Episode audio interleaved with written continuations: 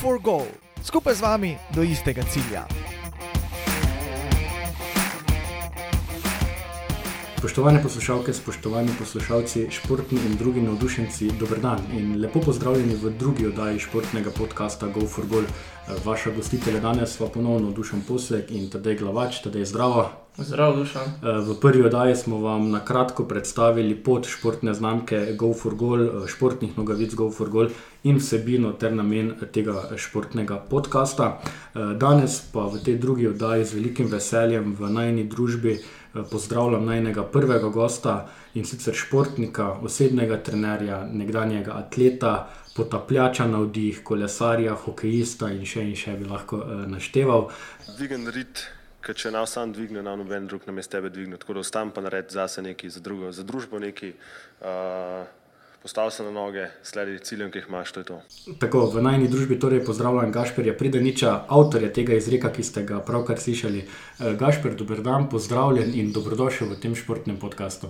Dušan, pa tudi lepo zdrav, vse sem že vmes rekel, da ne zakaj ni doma ostal, ne lahko sem videl, govoril, ampak ok, očitno morate biti dva tukaj, ne, tako da ja, mogo obema odgovarjati. Tako je, glede na, glede na to, da ta podcast snemamo tukaj pri tebi na Gorenskem, smo pač mogli biti oba, da smo spod do tebe našli iz Prekmurja pa iz Štajerske. Ja, samo nisi povedal na Gorenskem, kavo samo pa postrego, ne, Gorence nismo taki. Tako, kava postrežba je super, tako da že na začetku razblinimo ta mit, ne, tako da družba je odlična. Ne.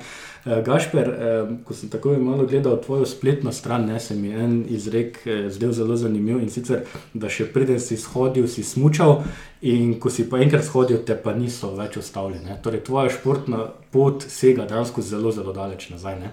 No, res je, mislim, kot si sam rekel, glavna krivca sta seveda tukaj starša, oče, mama, pač oba sta športnika, pa oče mečkam bolj, ampak ja, že v malih nog sta naj oba z bratom postavljena na smočke, smo smučali veliko, veliko smo bili v hribih, veliko smo bili pač v zunanji naravi, tako da ja, že takrat nekako bolj cenim to zadevo, da je pač treba biti v naravi, se gibati in to tudi nekako pelem naprej.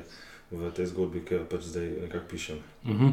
In ko sem jaz nekako našteval tako vodoma vse tvoje aktivnosti, športne aktivnosti Velike. in podobno, jih je res ogromno, redko kateri posameznik, športnik ima toliko enih izkušenj z, z um, različnimi športnimi dejavnostmi. Pa da te tako vprašam, če bi mogel, recimo takrat v mladosti, uh, vem, da mogoče za to malo teže si predstavljati, ampak vseeno, če bi mogel v mladosti izbrati eno športno aktivnost, s katero bi se ti lahko profesionalno ukvarjal, zdaj vemo, da si športni trener, ne? ali bi takrat izbral katero drugo, s katero bi se še lažje preživljal oziroma bil profesionalno aktiven v njej. Od vseh teh, ki smo jih našteli, ali pa katero drugo? Ne, odgovor imam že na dlani. V bistvu, uh, predtem sem, mislim, kolone, gorsko kolesarjenje, še vedno veliko sem na bajku in tudi gorsko kolesarjenje je ena od športnih aktivnosti, za katero verjamem, če bi se, če bi jo furil naprej, samo njo in nič drugega, bi verjetno tudi imel boljše rezultatske, mislim, same rezultate na višjih nivojih, ker pač to enostavno sem čutil. Ampak pač takrat je prišlo do določenih sprememb odločitev in sem se odločil za atletiko. Tudi ja, kolo je definitivno tista športna aktivnost, ki bi jo rekel, lej, če hočeš biti vrhunski, biti zlate medalje, da verjetno bi se lahko odločil za njo. Uh -huh. Predtem pa tudi uh, hokej, uh -huh. ker sem ga treniral šest let, bil sem vrtar, zelo perspektiven, ampak sem zaradi določenih takšnih ali drugačnih izkušenj, oziroma ja, izkušenj in okoliščin pač prenehal s tem pri 16 letih.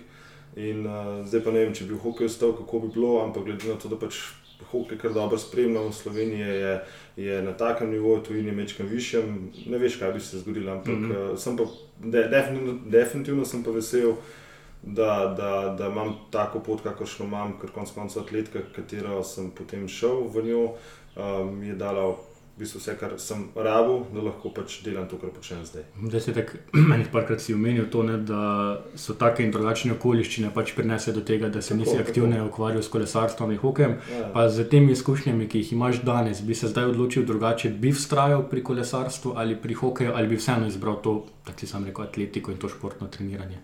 Mislim, Jaz verjamem, mislim, jaz verjamem, da vsaka športna aktivnost, ki sem jo imel, oziroma treniral z njo, me je nadgrajevala v to, kar sem. To se mi zdi najbolj pomembno. Ne morem reči, da je pa hoke, samo to tudi, zato tudi recimo, uh, imam toliko nekega. Tukaj je nekaj empatije do dela, ki ga pač gojim, in tudi mogoče veliko lažje zastopam celo, oziroma vidim celo sliko športnika, kaj rabi in v katero smer bi ga seveda rad peljal. Tako da ne morem ti odgovoriti, da je to samo to. Pač, kolo še vedno gonem, če me vprašaš, kateri šport bi zdaj ohranil, cel life, definitivno bike. Okay, ja, Ampak vseeno je pa, bom rekel, tiste tvoje mladostništvo, oziroma kasneje tisto adolescenco in podobno, potem zaznamovala tudi atletika. Uh -huh. To si že prej samo omenil. In več kot desetletje si bil vplet, vpet v, atlet, v atletske steze, najprej kot tekmovalec. Ne? Več ali manj, ja. več manj kot tekmovalec. Uh, torej, ti dejansko poznaš obe plati vrhunskega športa. Obe, obe, obe. Ti, tako kot športnik in kot trener. Ne? Pa mi tako iskreno pove, kje je biti lažje za tebe, kaj je lažje. Zdaj ali takrat? Oboje, ajde, da vidimo oba pogleda. Ne? Mislim, veliko težje je biti trener, to uh -huh. vsekakor. Zato, ker moraš toliko enih stvari še razmišljati, videti, bom rekel, nadgraditi se, učiti, izobraževati, kako koli. Tako da, ja, vsekakor je veliko težje biti trener. Zakaj? Ker pač, ko si tekmovalec, ne veš, da imaš okoli sebe uh, nek tim, trenerja, kako koli, ki, ki te usmerja v neko pot, ne? oziroma ti te uči, te izboje, ti nadgrajuje in tako dalje. In tvoja naloga je v bistvu to, da pač treniraš. Uh, tako da, ja, definitivno je veliko težje biti trener kot tekmovalec. Uh, iz, izkusil sem pa obe stvari, oziroma obe strani, tako da jih do, zelo, zelo dobro razumem, zato tudi veliko lažje potem delam to, kar počnem. Pa se ti zdi vloga, oziroma nekako pomen uh, trenerjev pri uspehu posameznega športnika podcenjen? V smislu? V smislu tega, da recimo javnost, ko ja. vi vidimo uspeh enega športnika, ne glede na to, na katerem področju je, se zelo poudarja njegov uspeh, torej uspeh športnika. Pogosto se pa pozabi, da za tem športnikom pa stoji obilica enih trenerjev in strokovnjakov. Ne? Definitivno, da ja. Mislim, zdaj lahko tudi rečem, da so, da so um, nekako um, dobre prakse v Sloveniji, ki jih tudi poznamo vsi. So kaj, recimo Tina Mazna mm -hmm. je zelo dobra praksa tega, kar je pač naredila. Zakaj? Ker je šla pač mogoče stran od neke podnarekovaj stroke in se je najela svoj, svoj tim in je pač zgradila to, kar je zgradila in vrhunske rezultate zgradila. Uh, Dan tudi tukaj tudi recimo primer svojega brata, on ima tudi svoj pač tim in ima okoli sebe ljudi, uh, on vodi se skupaj in je pač rezultatski nivo teh vrhunskega športa zelo dober. Kaj želim pač povedati to, ne, da uh, definitivno je prva stvar pomembna za samega trenerja, da ne more biti deklica za vse. Okay. Tako da je imeti treba okoli tim in seveda pač tim dela za športnika oziroma za nek tim športa oziroma um, bom rekel športnikov, če gre to za nek kolektivni šport, ne timski. Ne. Yes. Proste, ja. In tako da, ja, definitivno je, se športniki morajo zavedati, ne, da vsi so sami prišli do tega. Zakaj sami, ker samo mora dvigati, tudi samo mora steči. Ampak mm. je pač treba vedeti, okoli sebe so tisti, ki pravi, pa ne ta pravi ljudi, ki ti bodo pomagali do nekega uspeha. Mm, jaz se spomnim, eh, ko si se jih omenil, tim, ne, eden izmed takšnih športnikov ki jih imam jaz tudi v mislih, je recimo Primoš Kozmos. Mhm. On je recimo en taki lep primer, on je pri vsakem športnem uspehu, pa vemo, ne olimpijske medalje, svetovni eh, prvak in podobno, zelo, zelo znal poudariti ne samo njegovo vlogo, ampak vlogo celotnega tima, ne samo tistega na tekmovališču, ampak tudi izven njega. Ne. Njegov, se mi zdi, da on je začel z enim takim odkrivanjem te resnice izza uspeha športnika. Ne? Jaz sem podoben, primož, zelo dobro poznam tudi mm -hmm. iz atletskih krogov in lahko rečem samo, kaj podajam veliko spoštovanja do rezultatov, ki, jih je, mm. ki jih je naredil in tudi na nek način se te rezultate fu premalo cenijo v, v smislu tega, kar je dosegel. Ne? To je pač debata, mogoče zdaj drugič, ker se mogoče daje na vrh samo določene timske športe, ki imajo, okay. ne rečem, spoštovanje do njih, dosti veliko vrednost, ampak tiste, mogoče. Uh, individualne se pa premalo daje naprej, ampak okay, jasno je, da se nažalost vse vrti okoli denarja, tako pač je. Uh, ampak da ne zaplam preveč, recimo, primer je bil tudi Rok Petrovič. Uh, tudi en tak izmed zelo, uh, bom rekel, prim, dobrih primerov praks, kako se lahko dosega. On je bil tudi malo bolj poseben tip človeka. Uh, in je dosegel zelo vrhunske rezultate. Tako da jaz verjamem, da uh, glede na to, da pač glavno merilo športnika je, ali imaš dober rezultat ali ga pa nimaš, zdaj pa se kako se boš znašel v tem okolju, pa na nek način tudi vloga športnika, pa ljudi, ki jih imaš okoli sebe. Gaš pa, da te tako le vprašam, tako omenil si zdaj nekaj eh, športnikov, ki so šli eno individualno pot. Ja. Eh, začel si s Tino Maze, vemo, da je Tina Maze začela svoje uspehe dosegati v trenutku. Na, na zadnje, ne, ko so se ti vrhunski športniki podali na samostojno pot. Ne. Pomeni, ko so se izločili iz enega organizirane.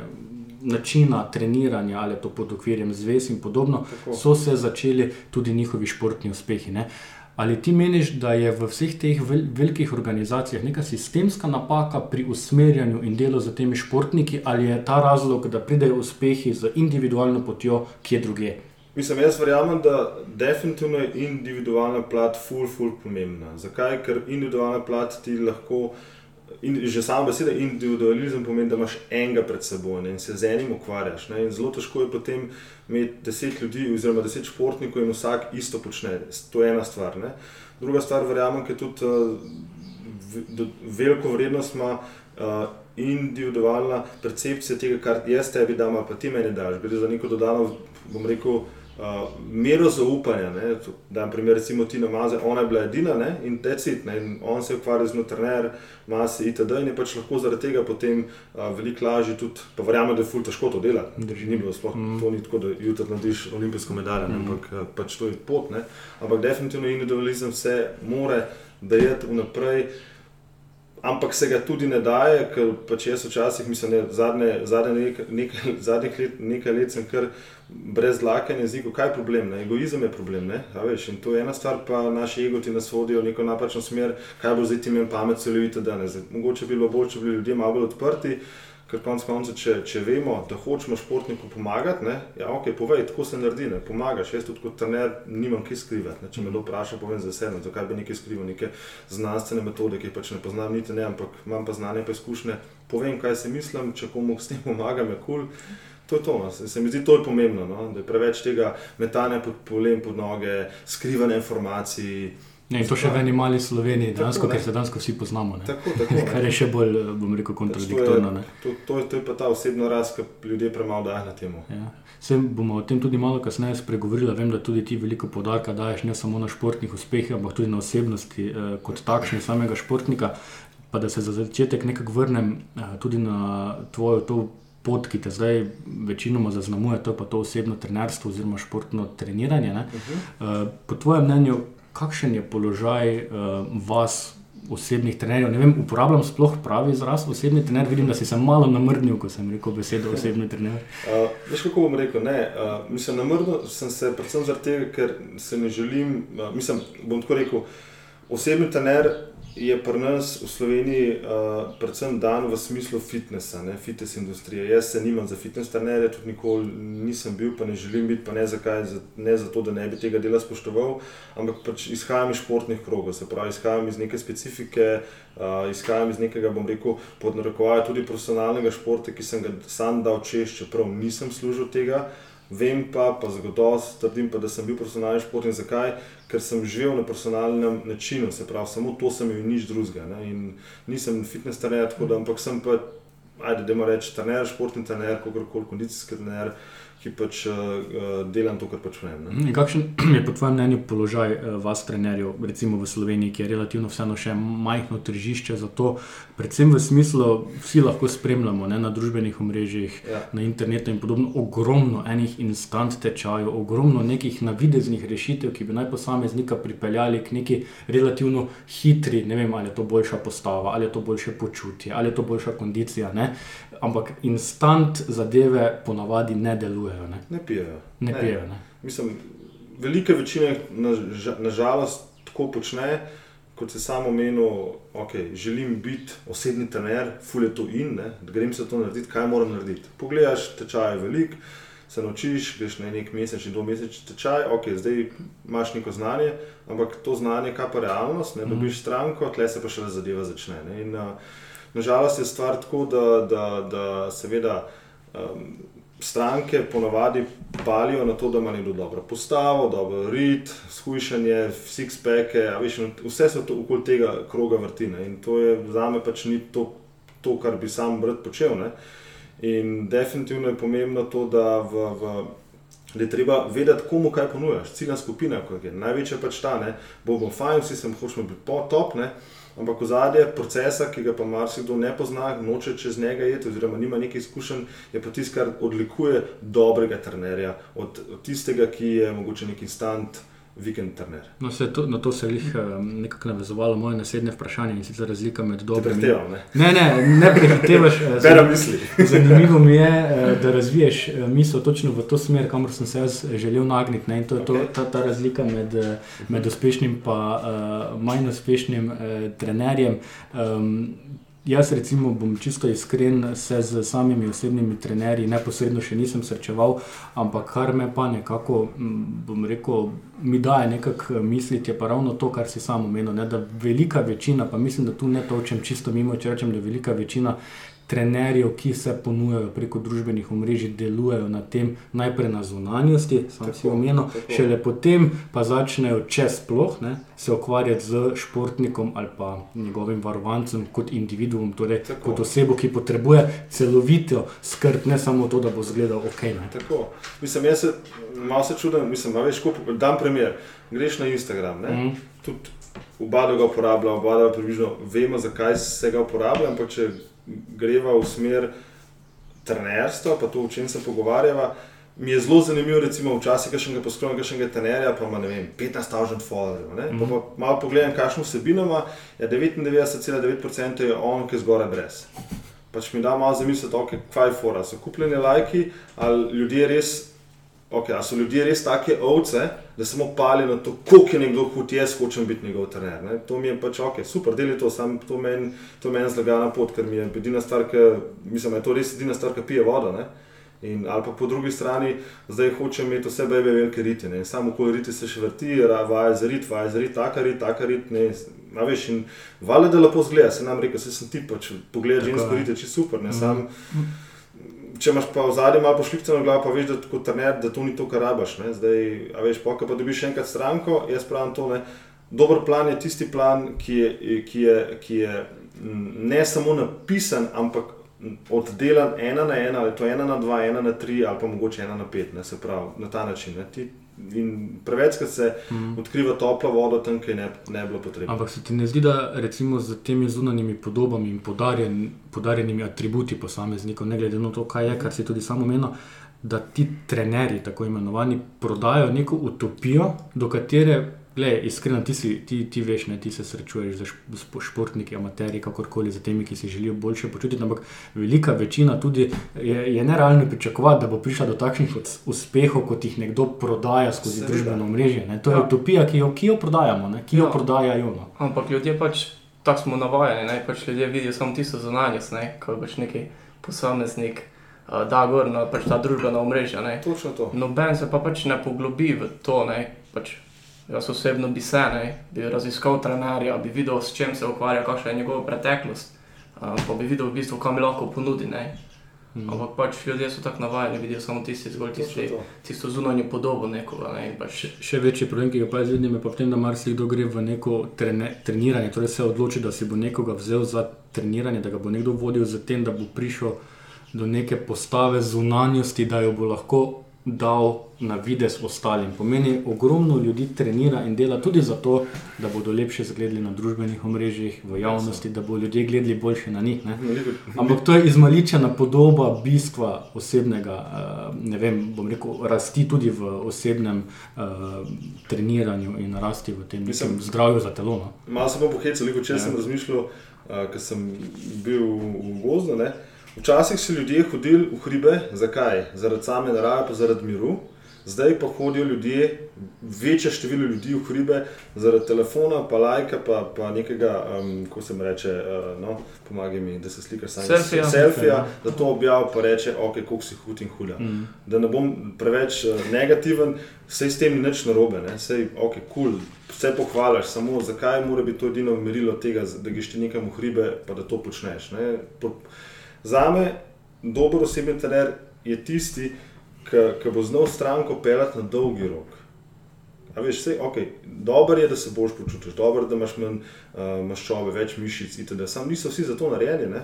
Problem pa vsega tega skupaj je, ko neka stranka, ki nima izkušenj, to vidi in bi ona tudi rada postala to, takšna, je pa potem to strada neko zadnji pride. Ne? Vsi so potem samo okoli prehrane se vrti, okoli treningu se vrti, okoli, uh, okoli tega odrekanja, okoli težkih ponovitev, ne vem kakšnih treningov. Ne? Treba se pa zavedati, ne? da imaš tukaj dva usporedna life, en life, ki ga sam živiš, kot pač vsi živimo, denarja moraš delati, imaš službo, imaš obveznosti, pa boš pa še na ta life še en trening dal, uh, pač eno enoto treninga na dan dal. Ne? Recimo, ne? Je to pač problem tega, ker potem seveda so vsi skurjeni, uh, poškodovani, nimajo energije, bledi, bledolični. Ok, je to zdaj zdravje, je to kul, cool? ja, za me osebno ni. Mm, drži, ja.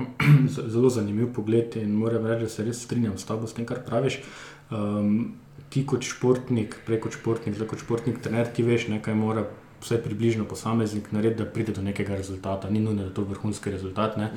Um, talent ima vedno neko vlogo. Zdaj se morda obračam predvsem na te profesionalne športnike, ki so uh, v, nekem, uh, rekel, v nekih vlogah profesionalcev, uh -huh. ampak sam talent ni dovolj. Ne? Trdo delo, odrekanje, to, to nikoli ne bo izgubilo svojega mesta v, pri, na poti uspeha. Ne? Mislim, talent definitivno je pomemben, da ga, da ga nek športnik, seveda, v nekem pravem časovnem razmerju odkrije. Uh, tudi govorim, recimo, pri mladih športnikih, okay, ko, nekdo, bi, ko nekdo želi biti dober športnik, seveda mora neko mladosti čez dati. Ne? Jaz bi rekel, da prehitra specializacija za mlade športnike je fully prenavaren, zato ker specializira samo en kot da specializacija se zopet se vrti samo spet okoli rezultata, kakršen koli že pač mora biti.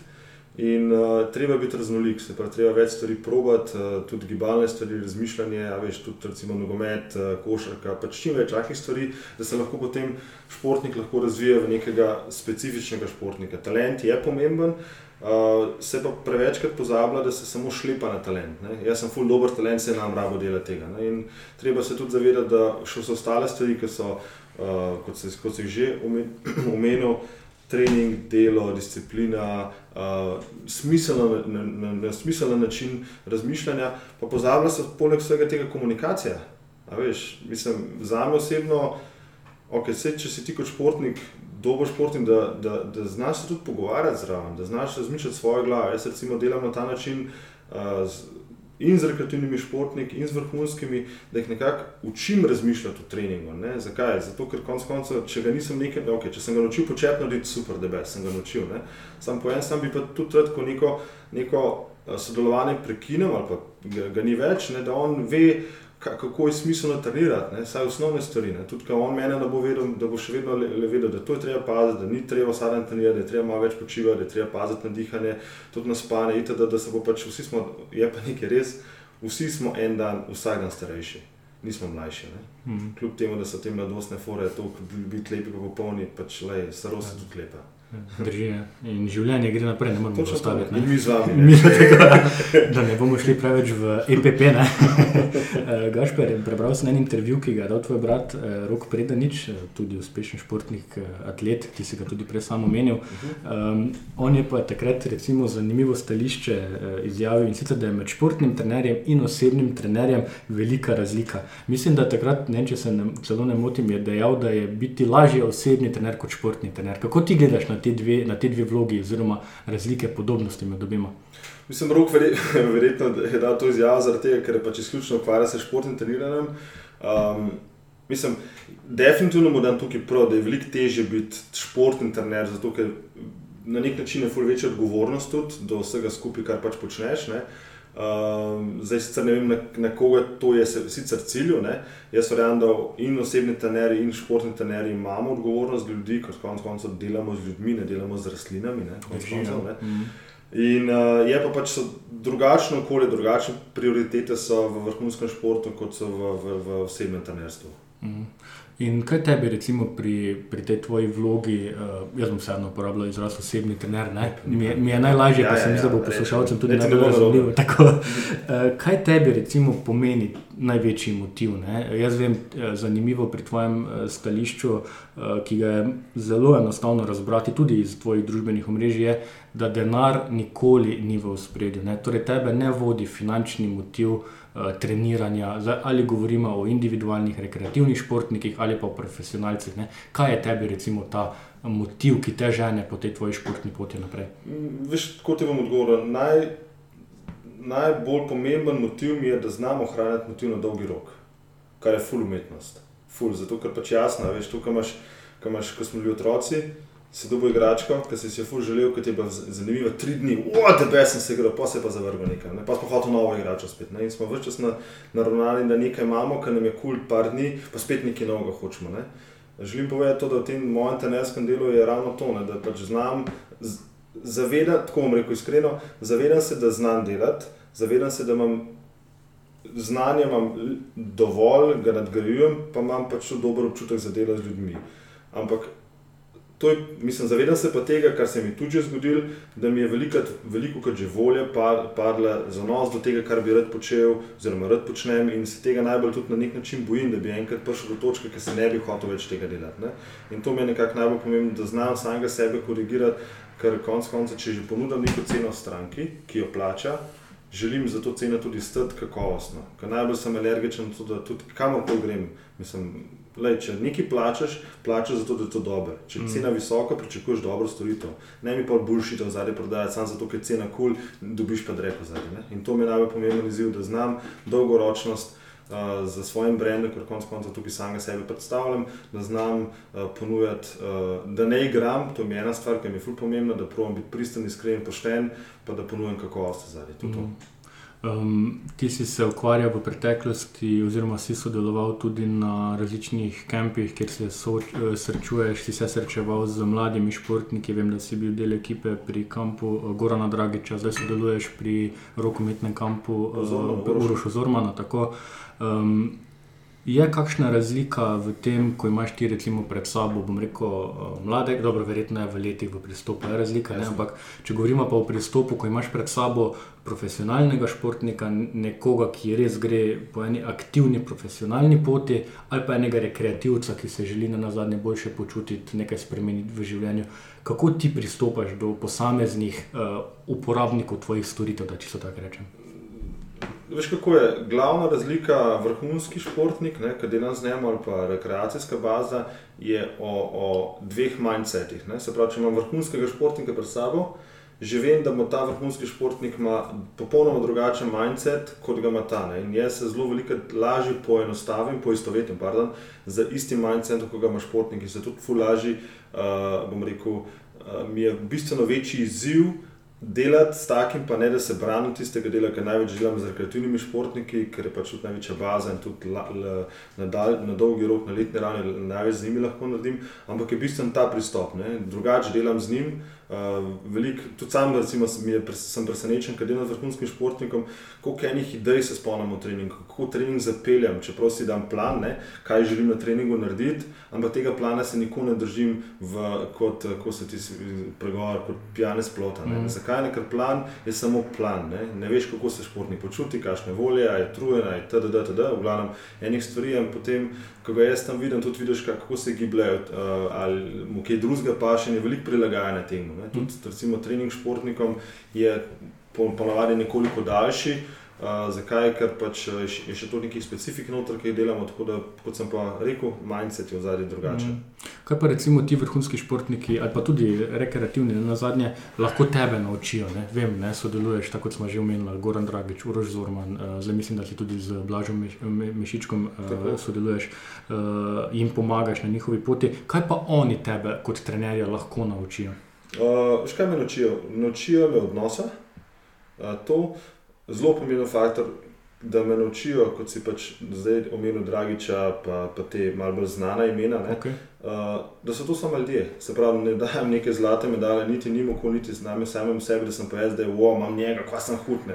V redu, lej, vsi smo samo ljudje in veliko lažje tudi dostopam do tega. Pač, uh, nimam nekega, uh, kako se temu reče, nočem jih kovati v zvezde, pa samega sebe kovati v zvezde, zato ker imam pač en brand, ime, kakorkoli. Mogoče je to moja krivda, ker bi lahko to fulbol izkoristil, malo bolj agresiven bil, pa bi se šel, wow, kaj gaš parkut, ampak nisem jaz to. No? Mm. Pač raz puščam, da je da se pač stvari zgodijo, kako se zgodijo, sta pravi, namenjen, če se zgodijo in decit. Ja, ker ne na zadnje, kakorkoli obrnemo, ne, ta imena, ki smo jih našteli, so sicer res že ene blagovne znamke tako, na nek tako, način, ne, tako. ampak za temi blagovnimi znamkami ne na zadnje stojijo ljudje iz krvi in mesa, kot smo mi trije danes tukaj. Ne, če jih na tak način obravnavaš, je to, je to čisto nekaj drugega. Se mi zdi, da je preveč ljudi, ki bi se radi na blagovni znamki, torej na imenu, koristili ne spuščajo pa se v osebo kot takšno, ker je le človek od zadaj.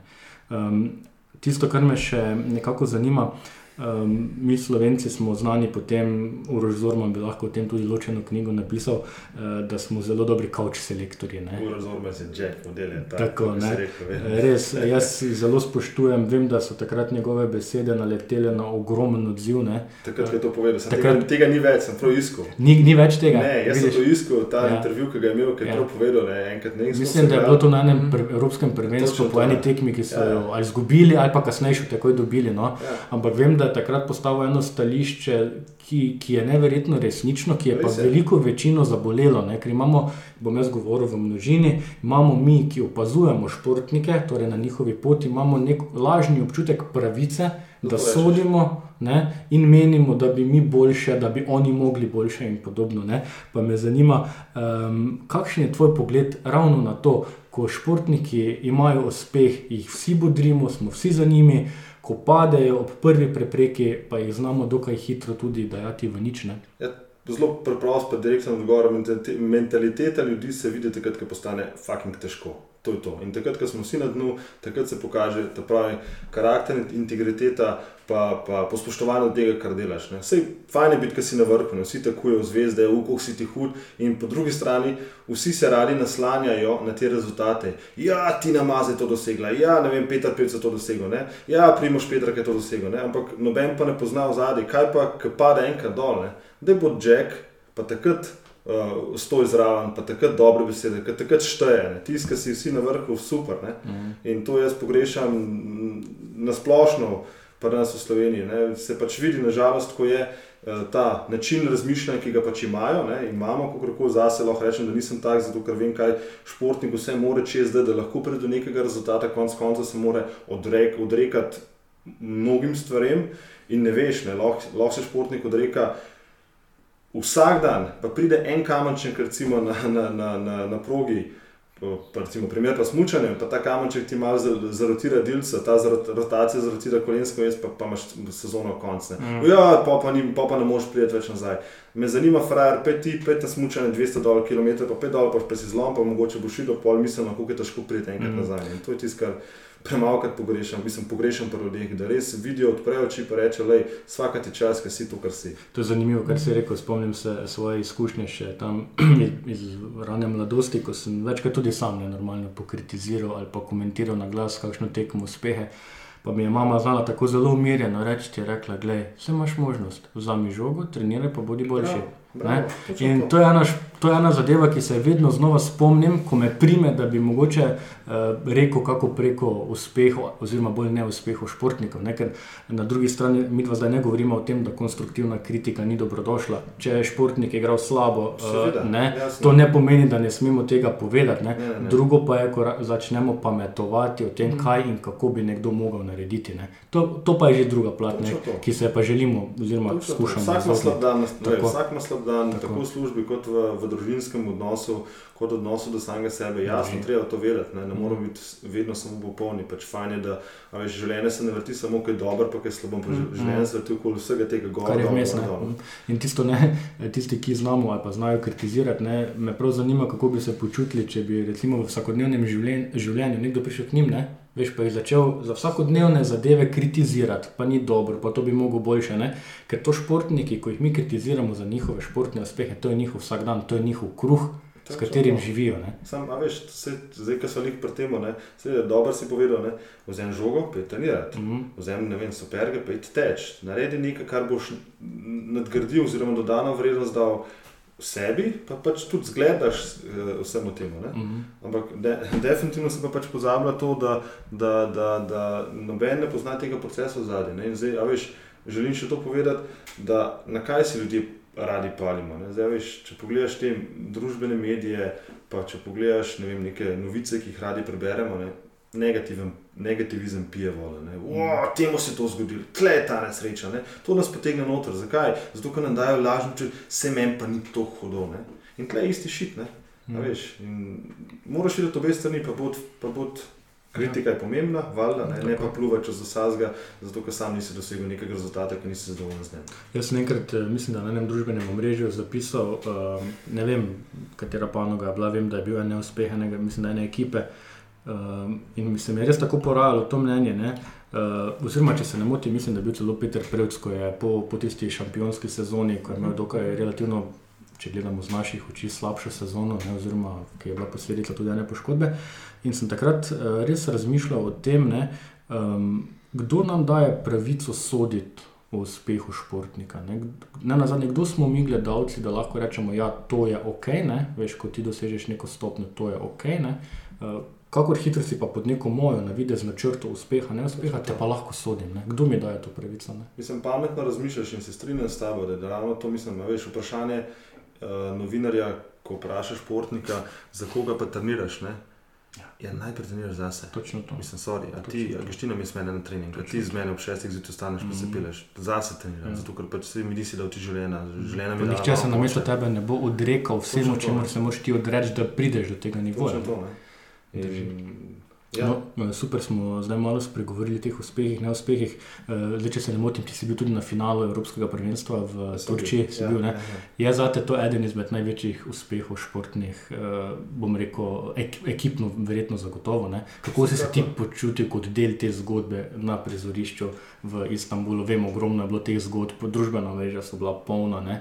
ampak ti si tudi bil tam, ne pa me zanima malo tvoj, eh, tvoje dojemanje vsega tistega dogajanja tam.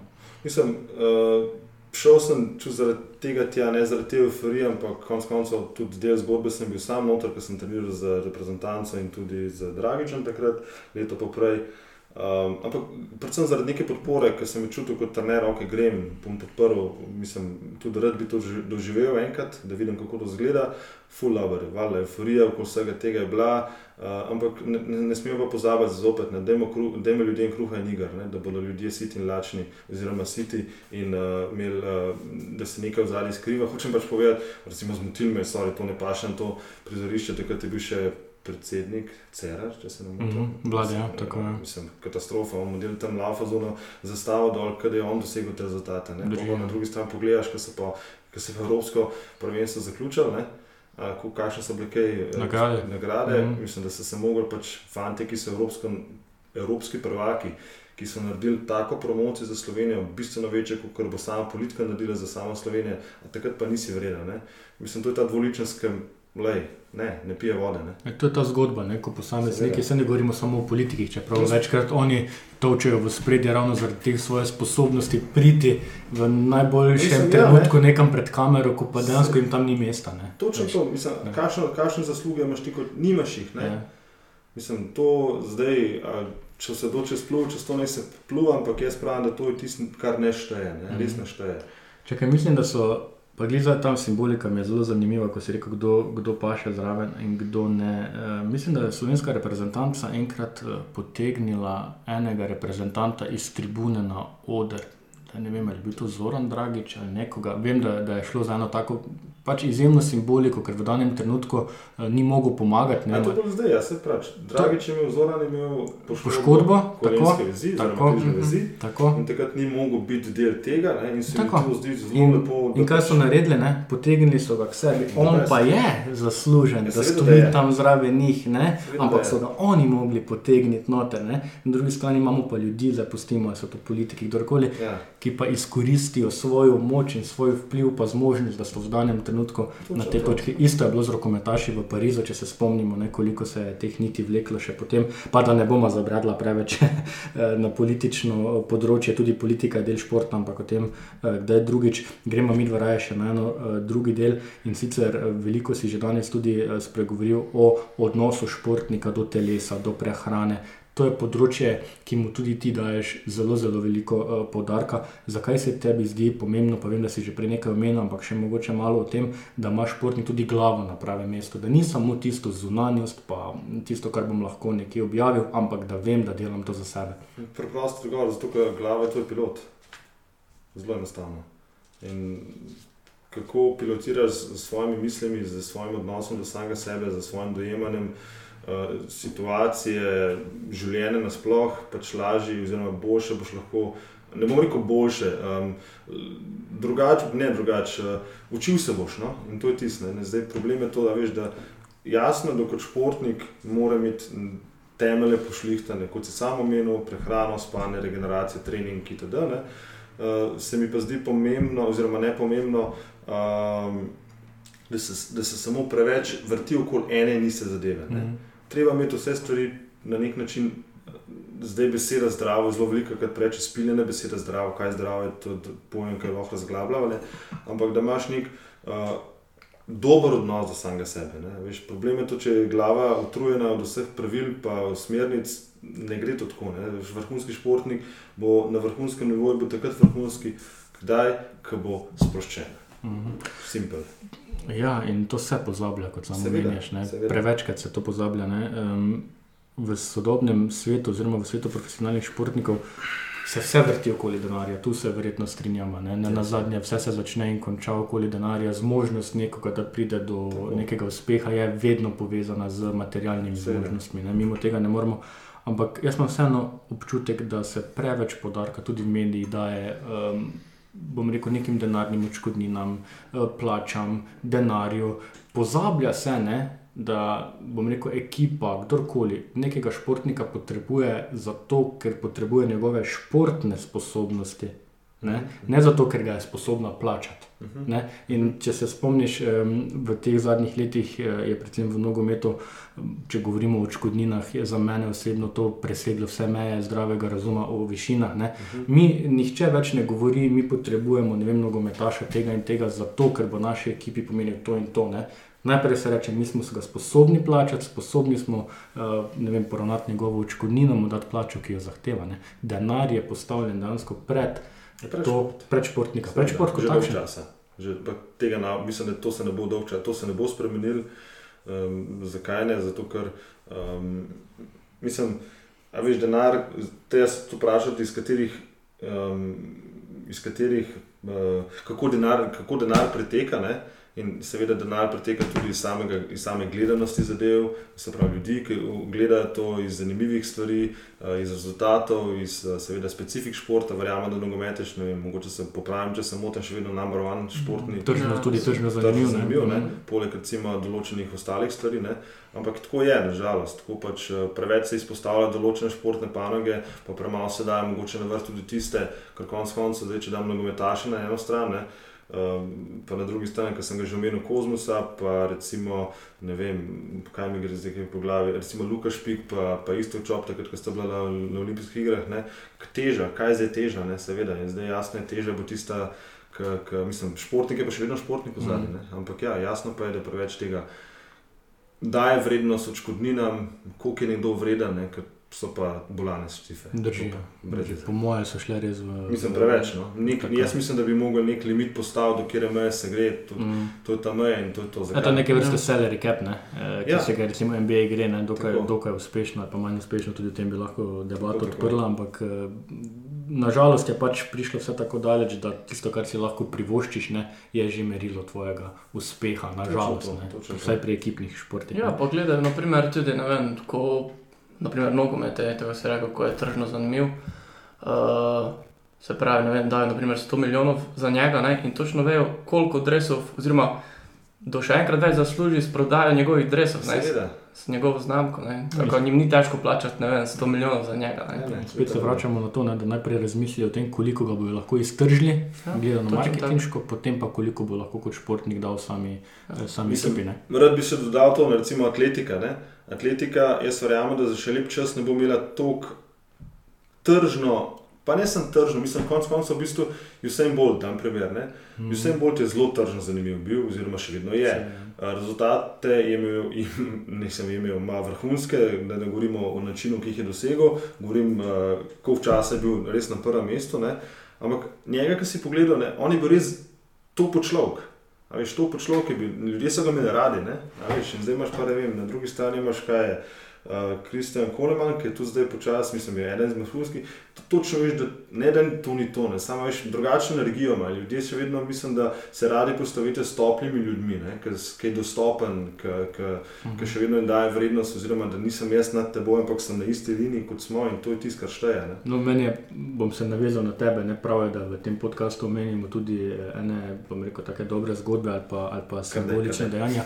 Mene je recimo izredno nagovorilo tista priložnost, pa mislim, da je bilo na olimpijskih igrah v Braziliji, ko je vsem bolj eh, novinar, ki mislim, da vala 202 Ani Hlači Ferjančič v slovenščini odgovarjal. Okay. Vem, prav, prav posnetek je. No? Okay. In za tisto izjavo, ona je prišla do njega, ga nekaj vprašala, mislim, da je potem v slovenščini odgovoril. Uh mhm. -huh. Se je on dejansko približal točno to, kar ti govoriš. Podrje mejo med tistim, jaz sem tukaj vrhunski športnik, vi ste pa tukaj gledalci. Ja, jaz treniram, dosegam za, za sebe najprej in obenem sem hvaležen za vso vašo Točno podporo. To, to je tisto, kar šteje. On bi se takrat ne na zadnje lahko obrnil, pa bi rekel: Grem jaz, ne, ne rabim tega. Ne, Novinarki male, male Slovenije je dal izjavo v uh, slovenščini. Uh, zdaj, koliko se motim, se bom naslednji dan popravil, ampak bomo mi v uh, podkastu oziroma v objavah tudi dali povezavo do, do tega posnetka za vse tiste, ki ga mogoče uh, niste videli. Um, Gašper, o materialnih pogojih, o vseh teh smo že na začetku kar veliko uh, spregovorili.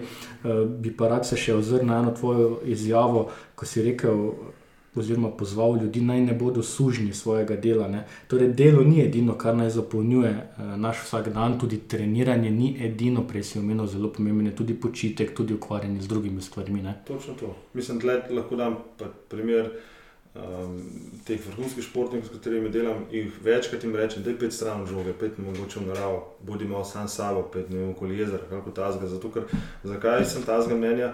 Zato, ker s tem glavo sprostiš in tudi veliko lažje. Veliko lažje priješ potem na nov trening uh, in, in tudi ta nov trening boljšo delaš. Ne? Jasno je, da pač okolje, v katerem se nahajaš, športnik je, kot so že omenila prej, uh, preveč rezultatsko, rezultatsko usmerjeno, ne? zdaj kar rezultat je za nekoga dober, to je druga stvar. Ampak um, pomembno je, da, da, da res na nek način nisi za svojega dela, sem pa želel povedati to, da, da znaš postavljati meje. Jaz, recimo, zase osebno govorim to, da Veliko delam in tudi rad delam, ampak imam mejo, kdaj je dovolj. Lahko bi delal od zjutraj do večera s strankami, zavedam se pa to, da pač imam svoj nivo energije, ko mi energija gre, ne morem več dati. Se pravi, če hočem energijo konstantno imeti na nekem dobrem nivoju, je jasno, da rabimo imeti vmes med to delovnim časom ali tednom nekaj prostega časa, svojih aktivnosti. Ne, ne na zadnje, tudi te poste, ki jih preberete, ostali, vidite, večinoma teh postov, o katerih razmišljam, kjer razmišljam, ker sem na raju, pa morem. Mm -hmm takrat. Recimo, zelo težko razmišljamo o teh postih nekje. In pa se mi začutim, da, da je to fajn, da to dam naprej. In se mi zdi, da je pomembno, da to kar štejem. Uh, in da zaključim, sabo na on odnesem čist nič.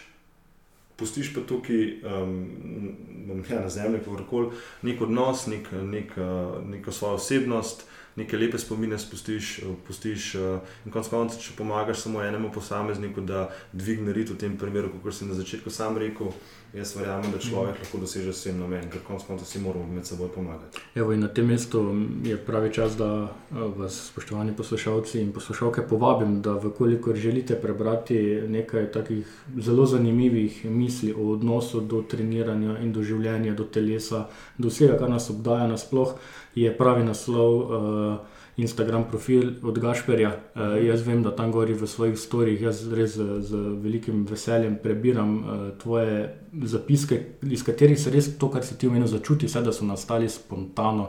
Da to, niso, da to niso misli, ki bi bile ustvarjene z namenom nekega dosega, ampak kot praviš, če s tem nagovoriš enega, je Super. tvoje poslanstvo zaključeno. Tako in obiščite njegov Instagram profil in boste videli marsikaj uh, okoli odnosa do življenja vam bo še malo bolj uh, jasno, oziroma boste videli en nov vidik tega. Uh, in na koncu, tako le za zaključek, uh, Gašper, ti si med prvimi preizkusili tudi naše športne nogavice, Go for Goal. Pa reči mi, tako kot je tedaj prvič predstavil idejo, produkt, ne, ti že celo življenje si v nogavicah, ne, kakorkoli obrneš, uporabljal si jih pri več ali manj vseh športih, s katerimi si se ukvarjal. Kaj je bila tvoja ideja, ko je po vseh teh letih nekdo priletel do tebe, recimo, da je ne in rekel: imam nove športne nogavice, kaj praviš? Moja prva ideja je bila, točno vem, kje sem tam mail prebral. Bil sem v, v Barbarigi na morju, na dopu, pa ni bilo to nekaj maja, ni bilo to prišel jun, ni bil še prav poletje. In se to spomnim, njih naštima sem se, to, to je dejansko res resnična zgodba. Naštima sem se ne brisačil, da, se bom- da se bom ulegel, pa malo spočil, pa nekaj za, za, za telefon, pa, pa piše pač, da je glava, glavač, pa full dolgo predstavitev, pozdravljen, mm. gaš, pa td. In sem tako rekel, ulej, model mi je pisal, en model me hoče imeti za sodelovanje. Sem rekel, kul. Cool. Tako da moj to je prva ideja, ki sem jo dobil, ne, recimo, ne ideja, ampak uh, predstavitev. Mm -hmm. Potem mhm. sem pa, sem pa šla v, v stik. Um, mislim, všeč mi je to, da, da všeč mi je to, da se nekdo, se pravi v tem primeru tedaj, ne, upa iti nekaj, kar mogo, ne bom rekel, da ni na tržišču, verjamem, da so novice takšne in drugačne, ampak predvsem upa si slediti temu, v kar sam verjame, da je dober, pa verjame, da to, kar dela, je, je, je plot njegovih lastnih izkušenj in, in tudi verja- verjamem, da nekih raziskav in s tem je tudi pot, ki jo lahko še naprej nadgrajuje, veliko, bom rekel, ne lažje dosegljiva, ampak veliko bolj trdna, ker konec koncev želi v bistvu na, na, na, tr, na tržišče dajati, oziroma že daje res vrhunski kakovosten produkt. Uh, ki je ne na zadnje, ni, ni primeren samo za vrhunske športnike, da ne bo pomote, seveda je primeren za uh, veliko širšo bazo ljudi, rekreacijskih ljudi, tekačev, tisti, ki hodijo. Tako da samo lahko, lahko rečem veliko spoštovanja do tega, da pač znaš slediti temu, ker konec koncev to tisto, kar res, res, res šteje. Ne. Ni pomembno, zopet ni samo pomemben denar, ne. se sam verjetno tedaj bi že odnehal to delati, če bi samo se denarja vrtel, ampak čuti, da je to dobro in to je tisto, kar eh, prekaša vsak evro, ki ga tudi Ja, in konec tukaj, tukaj dejansko lahko, ne, da je to pa lahko ti potrdiš, Ja. potegnemo tudi to vzporednico med eh, športnim udejstvovanjem in pa ukvarjanjem z neko poslovno potjo. Ne. Ogromno odrekanja, je. ogromno, ogromno tega zaupanja v pot, da je prava, mora biti tudi takrat, ko je izjemno težko ne, in nikoli se pa ne vrti vse okoli denarja. Že zdavnaj bi vsi nehali, ne, ki smo v tej zgodbi vpeti, gaš pa tudi ti, ne, če bi se samo okoli denarja vrtelo športno treniranje, bi verjetno rekel, glej, vprašanje, če ima smisel, ne, če bi bil denar edino merilo, ki ga, ne, ki ga imaš. Ne. Jaz lahko tukaj tudi tedaj vprašam, mislim, kaj te motivira. na- Mislim, ne bom rekel, kaj te motivira, ampak kaj se ti zgodi, ko veš, da pride neko obdobje, k- ki je težko, ki ne veš, ali boš zdaj nadaljeval s to potjo, nekaj, nekaj v tebi pomisliš, ali je zdaj to to, ali ni to to, veš, kaj mislim. Ne? Ja, vse tega je bilo že ogromno, predvsem na začetku, ne, ko, Ja. so, ko, ko se je delo razvoj, veš, bilo je ogromno nekih preprek, eh, ko sem se želel ustaviti. Ne. Ampak, ko ste mi vi kot športniki ne, dajali neke povratne informacije, veš, to me je dvignilo, ne, ko ste res začutili, da je ta produkt re, res neka dodana vrednost, uh, pol seveda vztrajaš naprej. Jaz pravim tako, vedno boš našel pot, če trdno verjameš v svoj cilj, ne, pa v s- pač stvar, ki jo delaš. Tako da tudi tebe, ne, ko sem, oziroma pač, ko sem iskal športnike, uh, osebne trenerje, uh, takrat sem se tudi poglobil v tvoje, pač sem te raziskal ne, in uh, tudi osebnostno si me, uh, osebnostno si me pritegnil, ne, zato sem pač se tudi povezal s tabo. Ne, ker pač, uh, sem že takrat razmišljal, če želim z nekom delati neko zgodbo, želim delati na dolgi rok, Uh -huh. uh, ne pač na neki kratki rok, ker se to pač nikoli ne obnese, ampak na dolgi rok. In uh, se je res izkazalo za super. Ne. no, sem, sem, sem vesel, tedaj, da vidiš neko dodano vrednost, ne samo temu navideznemu, ampak kar je dejansko tudi resnično. Ne? Mislim, jaz bi tle, recimo, vmes zaključil še stvar. Ne? A Veš, jaz se to doskrat sprašujem, glede vsebin, ki jih dajem ven. Veš, zdaj, lahko bi dal samo treninge ven, super. Sam nekaj manjka do vsebine. Ne? Veš, zato pa dajem toliko nekih stvari, ki so tudi na, na osebnostnem nivoju pomembne, eh, ki, ki dodajo neko vrednost vsem posameznikom, ki, ni samo, samo, ki niso samo športniki. Ne?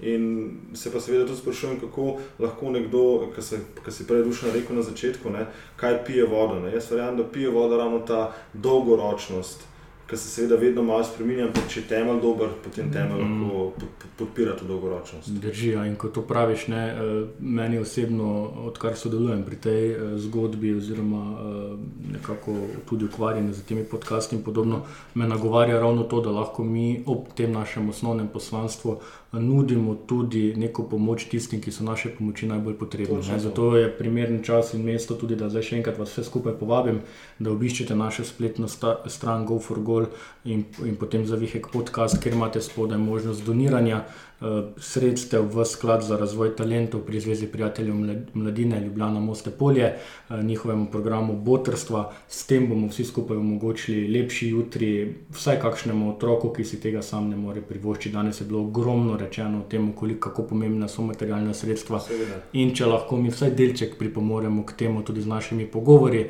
je naše poslanstvo izpolnjeno. Ne? Tako da, Gašpor, evo, na tem mestu hvala tudi tebi. Najprej ti hvala, da si v ta projekt Go for Goal uh, pristopil že od samega začetka kot ambasador, kot ena dobra, uh, ne na zadnje tudi reklama in uh, in podpora. Hvala ti tudi za današnji pogovor. Ogromno enih istočnic nam dajo. Jaz verjamem, da se bomo še v kakšnem intervjuju srečali in obdelali še kakšen drugi vidik, glede na to, da imaš ti toliko, da bi lahko se. Težko je biti jaz, že tako je, ja, da bi se lahko kar, kar nekaj časa še pogovarjali, ampak vseeno bomo počasi zaključili. Eh, hvala tudi vam, drage poslušalke, dragi poslušalci, za pozornost. Eh, ponovno se slišimo čez 14 dni in kot pravimo v GoForGoal, vedno sledite svojim ciljem. Točno to.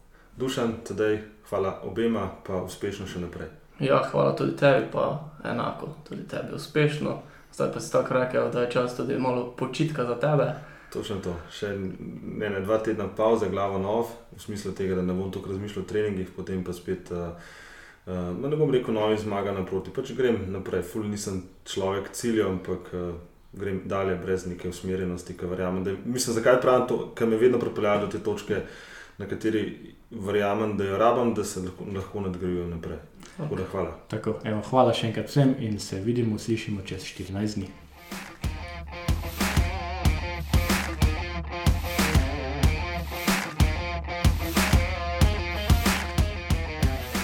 Go for goal, skupaj z vami do istega cilja.